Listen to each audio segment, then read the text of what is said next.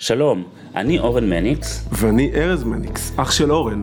בפודקאסט הזה אנחנו נדבר על 11 טיפוסים אישיותיים מולדים שנקראים התדר של האדם. נפגוש אנשים מעוררי השראה שגילו לאיזה טיפוס הם משתייכים ונדבר על איך ניתן להביא לידי ביטוי את התדר שלנו. שהוא עוצמת העל המולדת של האדם במערכות היחסים, בביטחון העצמי ובהגשמה המקצועית. איזה לא נעים לבטל חתונה ברגע האחרון. איך זה קורה? מה, לא יכלת להגיד לפני?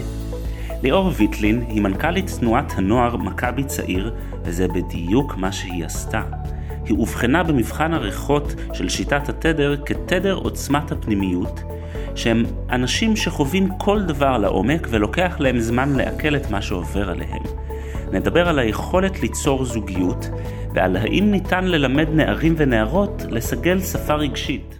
אוקיי, אנחנו בפרק חדש, מה שם שלך שלך? ויטלין. ויטלין?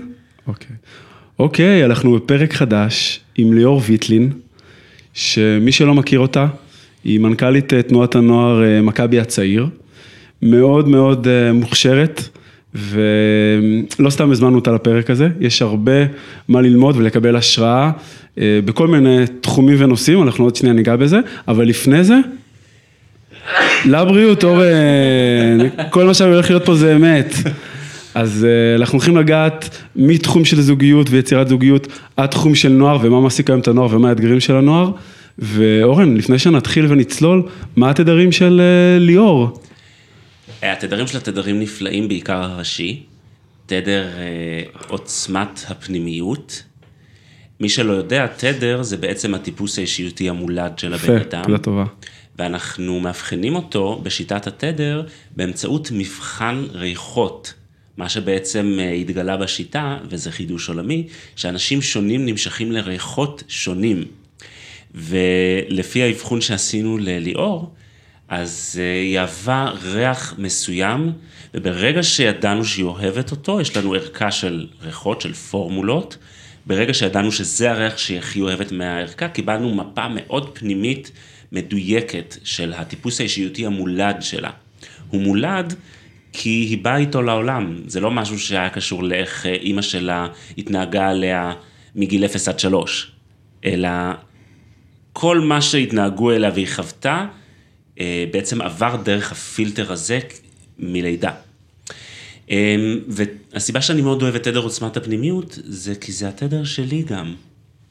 והמהות שלהם זה עומק ופנימיות. זה אנשים שהם מאוד עמוקים, הם שואפים לעשות דברים בצורה עמוקה, הם חווים את הדברים מאוד לעומק ובצורה עמוקה.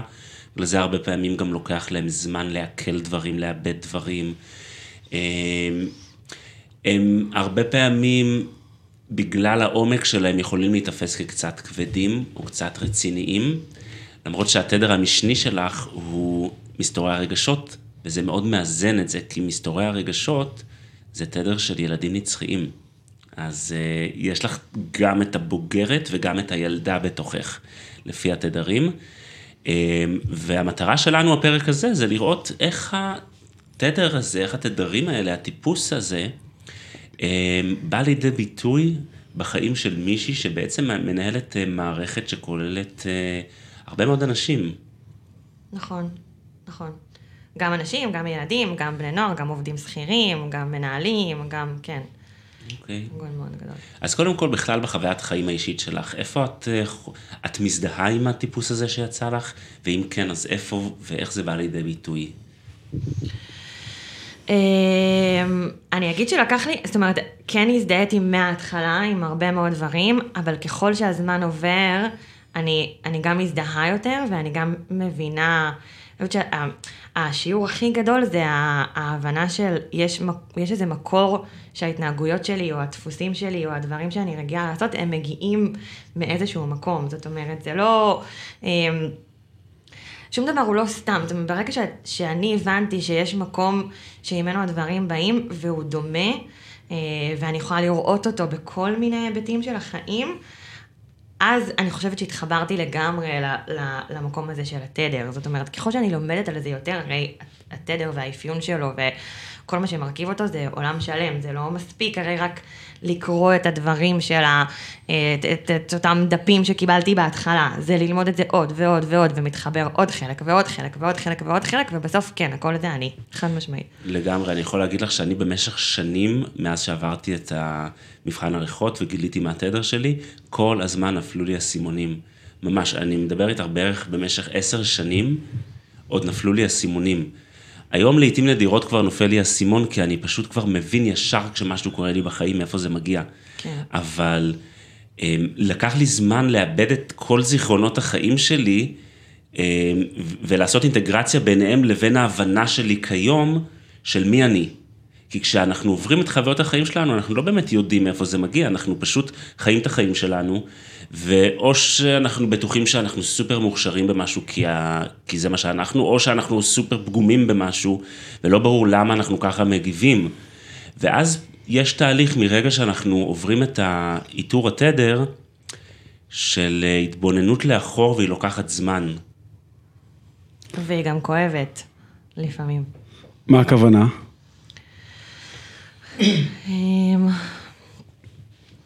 יש בה משהו כואב, כי...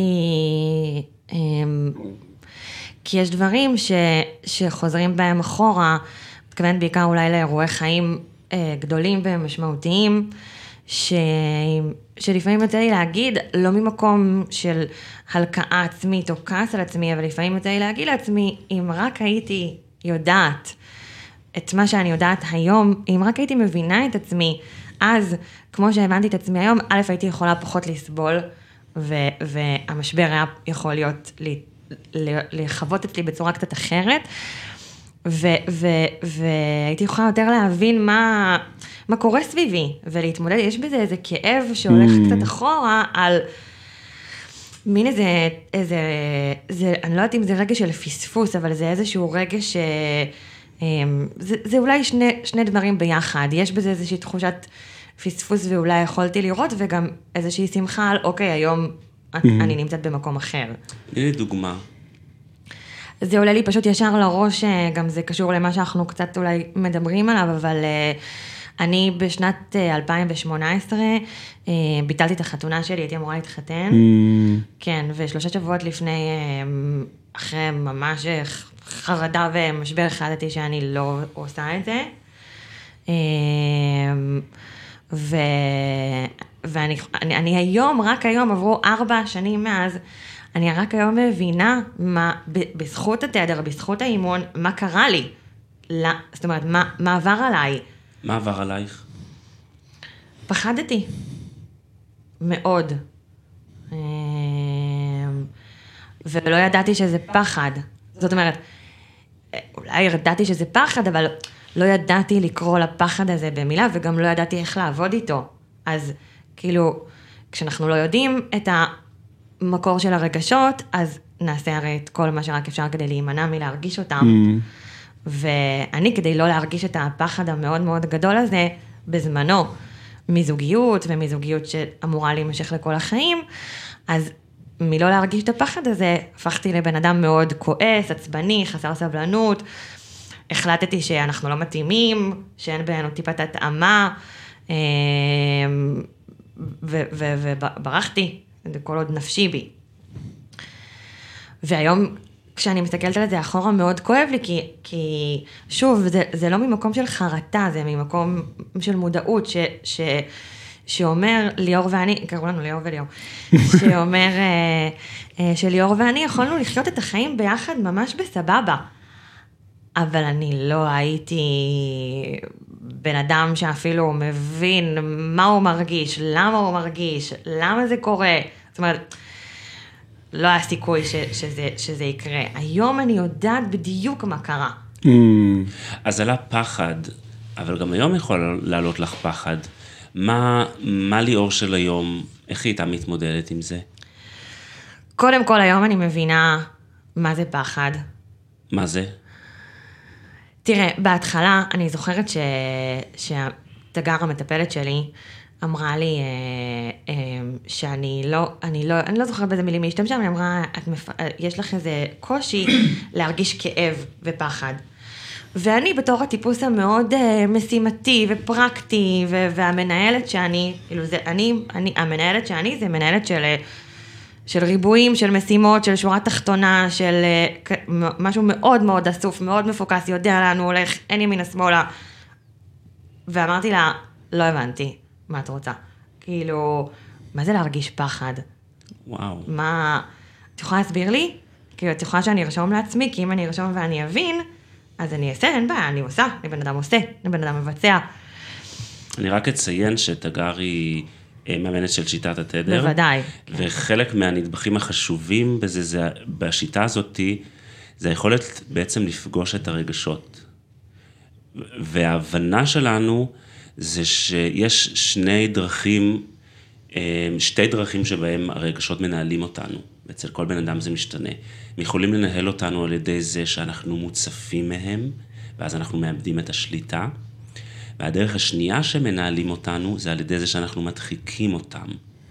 ואז הם בעצם יוצאים לנו מהפריים ומפעילים אותנו, כשאנחנו בכלל לא יודעים שיש משהו שמפעיל אותנו, כי אנחנו לא מסכימים לפגוש אותם. אז זה כאילו בכלל לא קיים רגש, אבל למעשה זה כמו איזה יד גדולה של מריונטה, שהיא נמצאת מעל הראש של המריונטה, ואני קשור בכבלים, והיד הזאת היא מפעילה אותי, ואני בכלל לא יודע שהיא שם. דימוי יפה. כן. כן. אמ, אני חושבת שהיום אני מוכנה לפגוש, אני אגיד שזה יותר קשה מאשר להדחיק ולהתעלם, מן הסתם. בגלל זה הדחקת. בגלל זה הדחקתי. אמ, היום אני מוכנה לפגוש, אני מגלה שכשאתה פוגש את הרגשות שלך,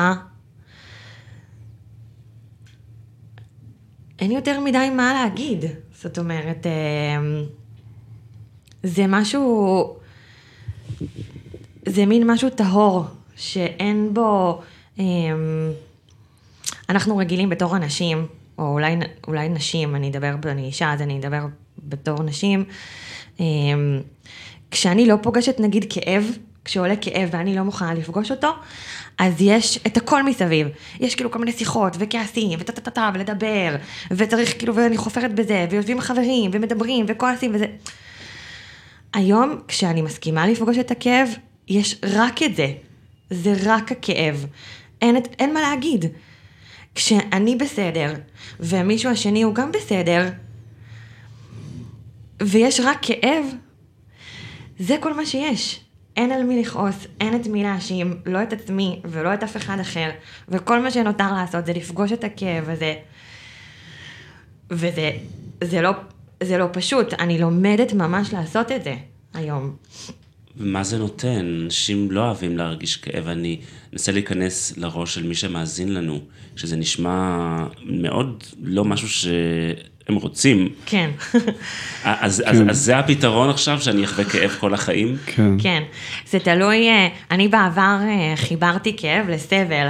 זאת אומרת, אה, גם אמרתי לה, אני לא מבינה, כאילו, מה את מצפה ממני? לשבת בבית ושיכאב לי? מה את רוצה שאני אעשה? אני אשים מוזיקה כואבת, אני אוכל גלידה, אני אשן? כאילו, זה סבל. למה את מבקשת ממני בכלל לעשות את זה? פה עלינו על החיבור של סבל וכאב, זאת אומרת שאצלי להרגיש כאב שווה לסבול, להיכנס לי מתחת למיטה, לישון, אה, לאכול, להיות להשמין, אומללה. להיות אומללה, להיות משהו שאף אחד ברור לא רוצה לעשות. נכון. אבל אני מגלה, והנה למי שכאילו שומע אותנו ונלחץ מה, מה, מהכאב, שא' הזמן, כאילו, זה, זה לא כזה, זה, זה לא דרמה כל כך גדולה. הזמן גם מתקצר, זאת אומרת, אה, אם פעם אה, אה, משהו היה כואב לי או מציק לי וזה היה דורש ממני שבוע של עצבים וכעס וריבים עם ההוא ולא לרצות לצאת מהבית ולא לרצות זה, אז היום יש מין יום כזה, אני מרגישה את זה, אני נותנת לעצמי להרגיש את זה, אני לא נבהלת מזה. אם אני לא אלך לעבודה, אני לא אלך לעבודה. אם לא יבוא לי לצאת מהבית, אני לא אצא מהבית. זאת אומרת, אני מנסה לא להיבהל מזה. אז אני אשב ואני ארגיש, אז אני ארגיש יום, אני ארגיש יומיים, ושם זה ייגמר. ומה יקרה אחרי זה? אמ, אני חושבת שזה כזה קשור, אנחנו, זה קשור לבכלל מה שאני עוברת ולומדת וזה, אבל מה שיקרה אחרי זה, זה בעצם איזשהי תהליך של אמ, ה- חיזוק של הדברים שאני רוצה לחזק אותם. אה, חיזוק של השרירים, כאילו הפנימיים שלי, שאני עובדת עליהם, הם לא לוקחים ממני את הכאב, אבל הם, הם שזה משהו שמאזן את זה, זאת אומרת, יש כאב, תמיד יהיה כאב. אני גם בן אדם שמרגיש, אני חושבת שזה שבע. בעוצמות זה- מאוד... אה, כשהיא אומרת, כשאת אומרת שבע, אני רק אסביר, כן. הכוונה היא לתדר מספר שבע, שנקרא מסתורי הרגשות, שזה אנשים, זה טיפוס אישיותי מולד שהמהות שלו זה רגשות. כלומר, עיקר הכוח שלו והעוצמה שלו טמונים ברגש, הם חווים רגשות בעוצמה מאוד גדולה, והם חווים את העולם דרך הרגשות. ובעצם מה שאת אומרת זה שהסתובבת הרבה זמן בניתוק מהרגשות, מה שקורה להרבה הרבה מאוד אנשים, אבל אצלך זה בעצם ניתוק גם מהמהות שלך. שיצר בעיניי בן אדם כועס, עצבני, חסר סבלנות, לא אוהב אנשים, שגם מאמין שזה מישהו. זאת אומרת, גם מאמין שזה... מה- אני, אני המון שנים הסתובבתי עם איזה סיפור, שאני חסרת סבלנות, לא אוהבת אנשים, בן אדם, שזה מי, זאת מי שאני. אמ, ככה הגעתי, ל, ככה הגעתי לתדר, בן אדם כועס, ממש זה המילה, כעס. אמ, בעיקר כמובן על עצמי, אבל אה, על העובדים שלי, על החברים שלי, על, על מי לא. אמ, זה אחד הדברים שקורים לתדר 7, אני גם רוצה להזמין את המאזינים שלנו, שרוצים יותר להעמיק את הלמידה ואת ההבנה על התדר שלהם, אה, לחפש את הפרק בפודקאסט אה, עם שולה בן דוד, שזה אצלה התדר הראשי. אה, היא מתארת דברים מאוד דומים למה שאת מתארת וחובה, היא מתארת שהבית שלה, כולם הלכו שם על, על האצבעות, כי היא הייתה כל הזמן עצבנית, מי שרוצה יכול לגשת לפרק הזה. אני רוצה טיפה לדבר על, אה, מה שאת, על התהליך הרגשי שאת מדברת, אה, וזה אחד הדברים שאנחנו לומדים בשיטת התדר. אה, אנחנו כל הזמן מרגישים, ו-80 אם לא 90 אחוז מהמחשבות שלנו, הן בסך הכל הקרנות של הרגש שקורה בנו. אם אנחנו נשנה את הרגש, ישנו, ישתנו המחשבות. אבל יחד עם זאת, אחד הדברים שאנחנו מלמדים בשיטה זה שאין לנו שליטה על הרגשות. אז יש כאן פרדוקס. מצד אחד, אם ישתנה הרגש, ישתנו המחשבות למחשבות יותר צלולות, אבל מצד שני, אין לנו שליטה על הרגשות. אז העבודה שאנחנו מלמדים לעשות, זה בעצם איך אנחנו מזהים את הרגשות ועובדים איתם. הרי אם את עכשיו תגידי לי משהו וזה ילחץ לי על הכפתור וזה יעליב אותי, אין לי שם באמת בחירה. יש את אחד המשפטים המעצבנים של עידן המודעות, זה בחירה שלך להיעלב. וזה פשוט טעות, כי אין לי בחירה, מי יבחר להיעלב? מי יגיד, רגע, שנייה, מ... זה נכון שיש מקרים של היעלבות כמניפולציה, אבל זה מיעוט מהמקרים, כשאנשים שהם לא מניפולטיביים גם נעלבים. ו... וגם אם זה מניפולציה, לפעמים זה מניפולציה אוטומטי שבן אדם עושה את זה בלי שהוא מודע לזה. כמו שלהבדיל, ילד רוצה תשומת לב, הוא לא אומר אני רוצה תשומת לב, הוא עושה דברים כדי שיהיה תשומת לב. כלומר, נכון. גם זה, גם אם זה מניפולציה לצורך העניין, זה גם לא מבחירה מודעת הרבה פעמים. נכון, אתה צודק. רגע לפני שאנחנו ממשיכים, אנחנו רוצים לתת לכם מתנה. הכנו לכם שאלון שימפה את המנגנון הרגשי האישי שמעכב אתכם בתחומי הביטחון העצמי, היחסים וההגשמה המקצועית. את השאלון כבר עברו קרוב לששת אלפים איש. הוא ייעשה על ידי מאמן וירטואלי בשיטה חדשנית, והוא פותח על ידי מומחים בתחום. ניתן לגשת אליו דרך הקישור שבתיאור הפרק, או על ידי חיפוש שיטת התדר בגוגל. אמ, והעבודה שאנחנו לומדים, ואז מה שקורה כשהרגש הזה עולה, ואנחנו לא מזהים אותו כרגש, הוא צובע לנו את תפיסת המציאות. למשל, את היית לפני חתונה, ועלה פחד, והפחד הזה היה עצום, אבל את לא זיהית אותו כפחד, כגלים של פחד שאפשר לעבוד איתם, אלא הוא היה, הוא לא עבר את סף ההכרה שלך, והוא עיוות לך את תפיסת המציאות. הוא יצר לך מצג, הוא מילא את הראש שלך במחשבות, ואת התמודדת עם המחשבות במקום עם המקור שלהן. המחשבות שהוקרנו אצלך, זה הוא לא מתאים לי. ואז כל פגם בו קיבל פרופורציות מפלצתיות. והסרט שהוקרן בסך הכל מגל של רגש של פחד שעבר, זה שאיפה את ואיפה הוא. והוקרן סרט של סבל תמידי נצחי, שזה הגורל שלך לשארית חייך אם את תתחתני איתו. ב- ב- מדויק, מדויק. וברמה של לשבת בארוחת ערב, הוא אוכל טחינה, אני מסתכלת ואני אומרת, לא ייתכן שככה הוא יאכל טחינה, כל החיים זה דוחה, אני לא, אני לא אהיה בזה. עכשיו, זה, אני אומרת את זה בסוג של, אה, כאילו אני צוחקת, אבל זה, זה אמיתי. זה אמיתי לחלוטין. זה לגמרי אמיתי, ולא רק זה, הרבה פעמים, בואי ניכנס שנייה לעניין הזה של זוגיות והתאמה. הרבה פעמים אה, רווקים ורווקות, כשהם נכנסים לקשר והם נכנסים לאזור האינטימיות, עולים שם המון המון המון פחדים. ואז מה שקורה, אפילו מבחינה ויזואלית, הפרופורציות של הבן אדם שמולי מתעוותות בעיניים שלי. פתאום כל איזה אה, אה, גומת חן שהייתה נראית לי הכי חמודה בהתחלה, היא פתאום נראית לי הכי אה, לא סימטרית.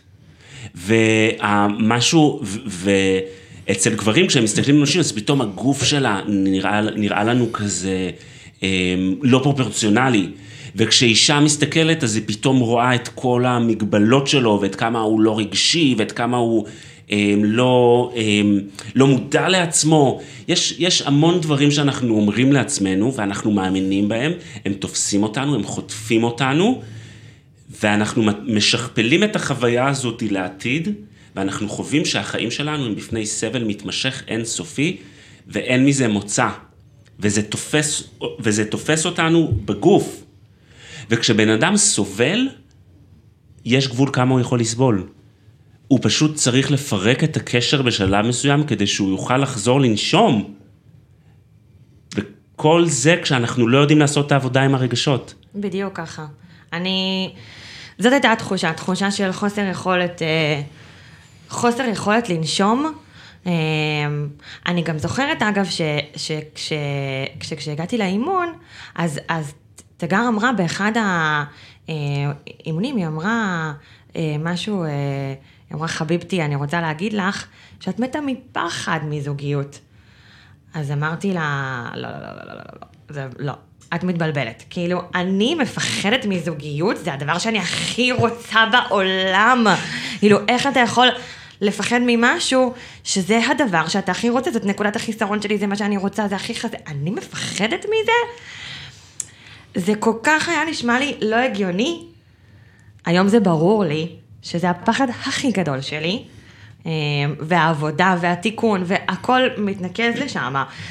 והדוגמה של החתונה היא דוגמה ש, ש, שמבטאת בדיוק את זה, זאת אומרת, הפחד ממשהו שיכול באמת להחזיק לכל החיים, ולהיות זוגיות מתמשכת וארוכת טווח, זה הייתי, אני הייתי מבועטת, אבל לדעת, לחשוב שזה מה שיושב לי שם מתחת, מה פתאום, זה רק ליאור, וכמה אנחנו לא מתאימים.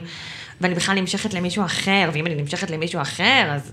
ברור. ברור, מה, צריך להיפרד מחר. ברור, הרי כשעולה הפחד, השרת בבניין נראה יותר מושך מהבן זוג. לגמרי. אז זה בדיוק העבודה שאנחנו עושים.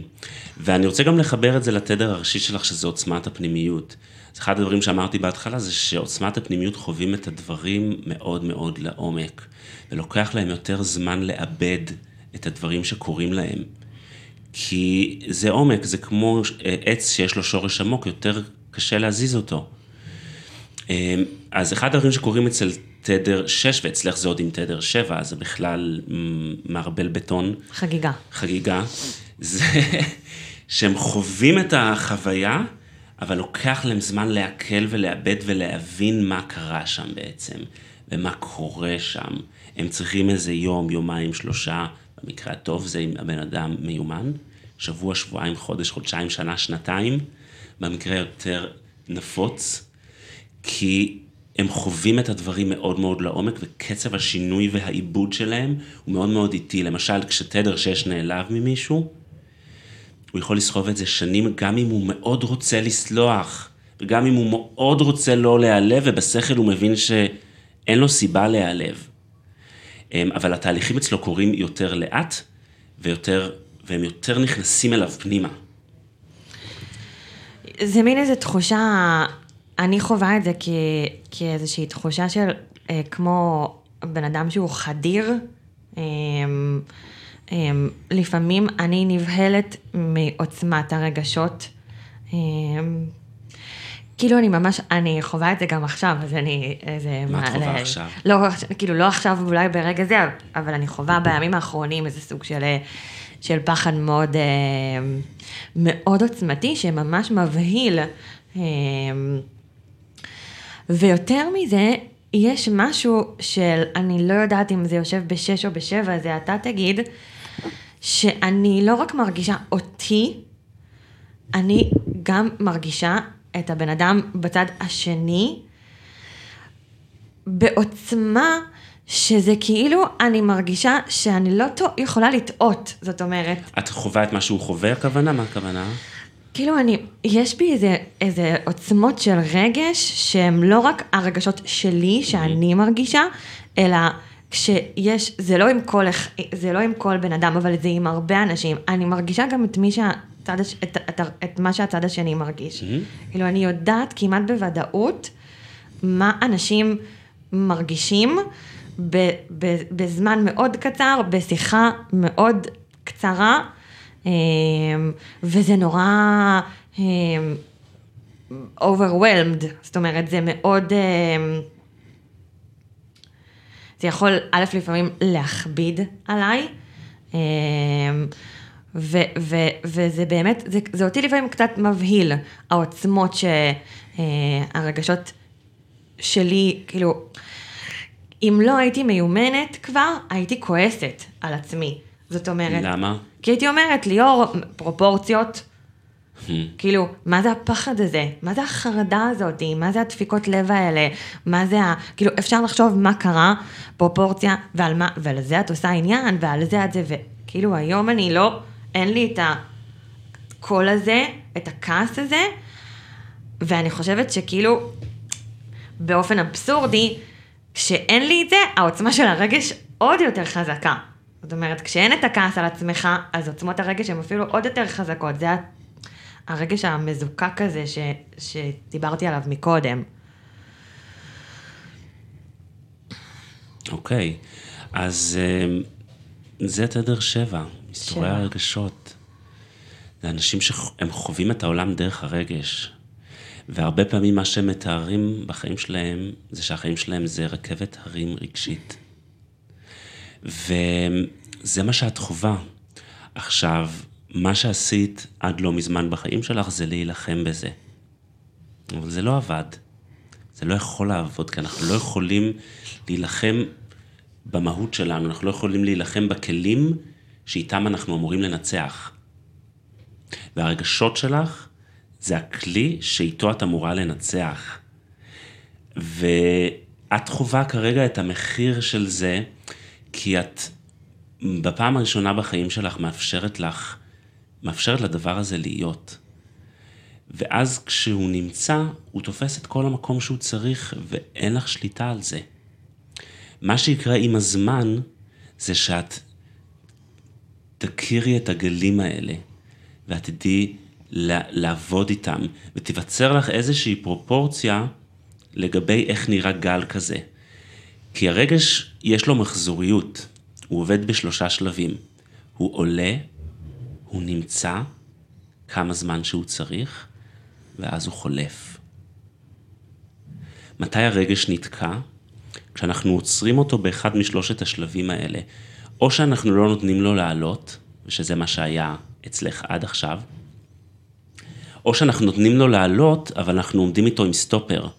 ואז מה שקורה, אנחנו, תוך כדי שהוא למעלה, אנחנו נלחמים בו, ואז או שאנחנו טובעים, כמו שאנחנו טובעים תחת גל, או שאנחנו מנסים לארוז אותו ולהדחיק אותו שוב. כי כמה כבר זה יכול, כמה זמן כבר אפשר. אז זה המחסום השני, של השלב השני, ויש אנשים שחוסמים אותו ב... אה, לעבור, כלומר הוא עולה, נמצא וחולף, בלחלוף, בחלק של הלחלוף. הם מחזיקים את הרגש, למרות שהוא כבר לא שם, והם עדיין חיים כאילו הם שם, והם לא צריכים לרגע להגיד, רגע, אני פתאום מרגיש אחרת. או שהם נצמדים לרגש כי יש להם איזשהו רווח ממנו, ואז הוא לא יכול לחלוף. אני לא חושב שזה המקרה שלך. לא, אני חושבת שאני קצת אולי עוד תלמידה של שלב שתיים. אני חושבת שאני לא, למדתי לתת לרגש לעלות, אבל יש לי עבודה במקום של אה, להילחם בו. אני חושבת שאני חווה את זה בעוצמות כאלה גבוהות, כי אני נלחמת בזה, כי אני נבהלת מזה נורא, כי, כי זה מטריד אותי שזה קורה, זה עולה, אבל אני עוד לא, אני עוד לא, העבודה שלי היא לא להילחם בזה כש, כשזה קורה. שם אני נמצאת. אז אני רוצה לתת לך טיפ על זה. Mm, טיפ זה טוב. אמ, כשהרגש עולה ואת מזהה אותו, שזה כבר פריצת דרך יחסית למה שהיה בעבר אצלך, אמ, להתאמן על לאהוב את עצמך בעודך מרגישה. לתת לעצמך רשות ולהגיד, מותר לי. מותר לי להיות בפחד גדול, גם אם הוא לוקח שלושה ימים. ואני מסכימה לאהוב את עצמי שם. כי אם אני לא אוהב את עצמי שם, אף אחד לא יוכל לאהוב את עצמי שם, אני ארחיק את כולם מעליי.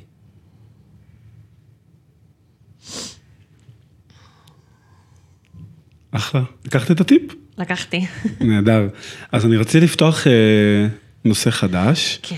שככה, שכן נספיק, לא נרחיב עליו, אבל כן, אחד היתרונות שאת עובדת הרבה עם נוער. נכון. ואני חושב שנוער הרבה פעמים לאנשים שלא חיים את העולם הזה, זה די תעלומה. אה, רוב ההורים אולי חווים את זה דרך, אה, דרך המתבגרים שלהם, וזה לא תמיד נראה אה, פשוט. אז אני רוצה כאילו לשאול אותך, ובתשובה את יכולה להכניס שני אלמנטים. אחד, כאילו מה מבחינתך האתגר הכי גדול של הנוער ו- וכולי, ומה מבחינתך, במי שאת ובתדר שלך ובעשייה שלך מצליחה להביא דברים שעוזרים למקום הזה. Mm-hmm. כלומר, שאני אשמח ככה שתני לנו ככה ריק, כי הנושא של נוער זה נושא מאוד מהותי בעולם שלנו ובמדינה שלנו ובכלל. לגמרי. אה, אני אגיד קודם כל ש... שאני חושבת שאני כל השיטת ניהול שלי והמפגש שלי, גם עם בני נוער, גם עם עובדים שכירים מבוגרים, שהם לא בני נוער, היא שיטה שפועלת מהרגש, אני לא יכולה אחרת, אני לא יודעת אחרת, זה לא מי שאני. כשנכנסים אליי לשיחה, היא יכולה להיות פגישת עבודה, אה, תמיד יעלו אה, צדדים רגשיים בבן אדם. זה יקרה, אנשים יגידו עליי שליאור מחוץ למשרד, זה לא ליאור שאתה נכנס והיא סוגרת mm. את הדלת, כי כשהיא סוגרת את הדלת, היא תוציא ממך את הדברים שאתה ממש לא תכננת להגיד ולדבר אותם. אני, בגלל, הרגש, בגלל שאני מזהה אצל אנשים מה יושב בפנים, הם אומרים משהו אחד, אבל אני, mm. אני יודעת מה יושב בפנים, וזה תמיד יוצא בשיחות שלי, כן. בתוך מסגרת במשרד. בני נוער, אה, בעיניי, לא ממש יודעים מה הם מרגישים, שלא נדבר על איך להרגיש או, או, או מה זה. באמת יש פה נושא מאוד מאוד גדול, לא את כולו נצליח להרחיב, יש הבדל מאוד גדול בין בנים לבנות, יש הבדל גדול בין היחס לבנים והיחס לבנות, אבל באופן כללי הילדים מאוד מבולבלים, mm-hmm. מאוד. אה, ולא יודעים להגיד מה הם מרגישים. אני אספר איזה סיפור באמת על משהו ש...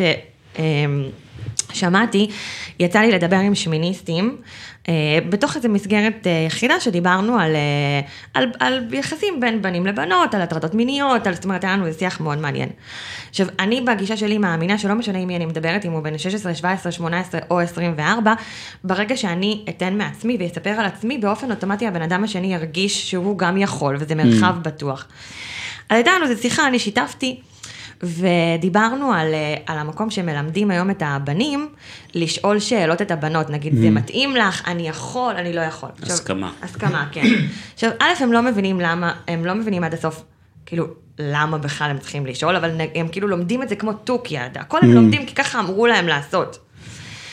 ואז איזה ילד אמר, שמיניסט, מה זה ילד? ילד בן 18 אמר, ליאור, אבל תקשיבי רגע. מצד אחד אתם באים ואתם אומרים לנו שאנחנו צריכים לשאול כל דבר, זה נעים לך, זה לא נעים לך וזה. ואז הבנות הולכות, ואחרי זה הן אומרות אה, שזה לא גברי. שאנחנו שואלים אותן אם זה מתאים ולא מתאים, בכלל מצפות מאיתנו שנפגין כלפיהם איזה משהו אחר לגמרי. ואמרתי לו, כאילו שזה, קודם כל נעתקה נשמתי מה, מה, מהבגרות והיופי בשאלה ממש. הזאתי, ואמרתי לו, ואיך זה מרגיש? ואת דממה. כאילו, שאלתי איך זה מרגיש, עכשיו אני מניחה שזה מעורר אצלו כל מיני קשת רחבה של רגשות, אבל הדבר הראשון שהוא יכול להגיד, זה מעצבן. כן. הם לא, הם, הם, הם לא יודעים, לא שואלים אותם, וההורים שלהם לא יודעים, אוקיי? אז בכלל, כאילו, אני לא יודעת, אני, אני לפעמים כזה מסתכלת על זה מהצד ואומרת, איך ניגשים לזה? את מי מתחילים לאמן? את מי מתחילים ללמד? את ההורים, את הילדים, את המורה בבית ספר, שתשאל את הילד, מה אתה מרגיש? זו השאלה על פניו הכי פשוטה, כמו להגיד לבן אדם, בוקר טוב, מה אתה מרגיש?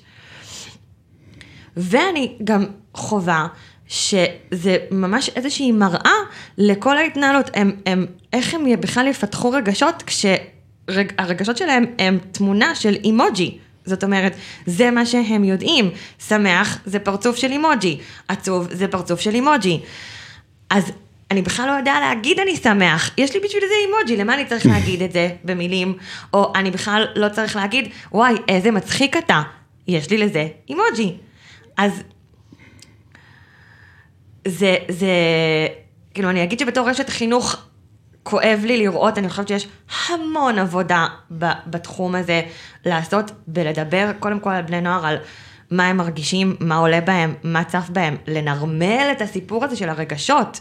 כי, כי הרבה פעמים זה, זה, זה מוזר, זה לא קשור, למה מדברים איתי על זה, זה לא הפלטפורמה, אני לא באה לתנועת נוער כדי שתדברו איתי על מה שאני מרגיש, זה, זה צריך לעשות כאן איזשהו נרמול, נכון. של לשאול מה אתה מרגיש, זה, זה לא דבר מוזר, זה לא דבר חלש, זה דבר טוב.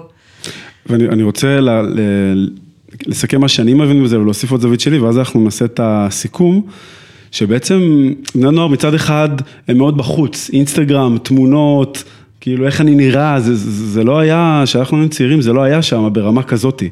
אני, אני עוצרת אותך בכוונה, כי אם הם היו מרגישים באמת, חצי מהדברים שהם היו עושים, בוא. הם לא היו עושים אותם. נכון, נקודה. נכון.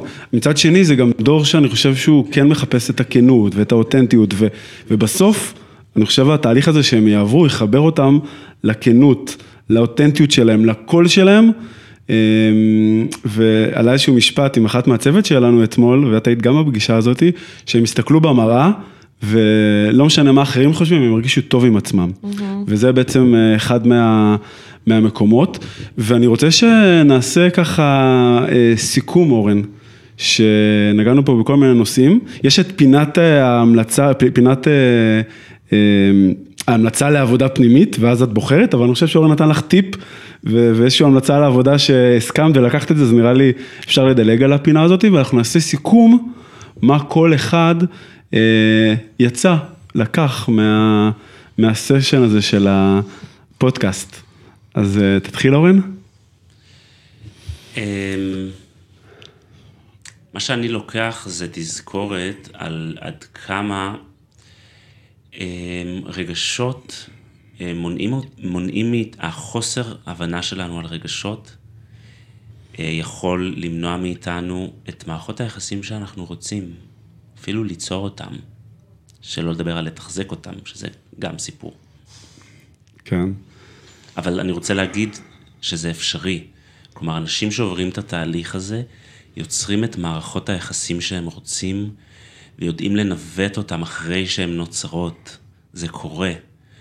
זו עבודת חיים, כי זה הטבע של מערכות יחסים, לייצר את הסנכרון בין שני אנשים שהם שונים בתכלית, אבל זה אפשרי לעשות את המעבר הזה. אני לוקח אומץ, כי בעצם בתהליך הזה היית צריכה לפגוש עם מקומות מאוד עוצמתיים, כי זה חלק גם מהתזה שלך לחוות את הדברים בעוצמה, ועם כאב גדול. ו... ואומץ להסכים ש... שהדברים יהיו כואבים, שיראו לא טוב, שהאומץ הזה, אה, זה לא מובן מאליו, ואני חושב שכל תהליך וכל התבוננות פנימה, אה, נדרש האומץ הזה. אז ממש אה, מעורר השראה. תודה.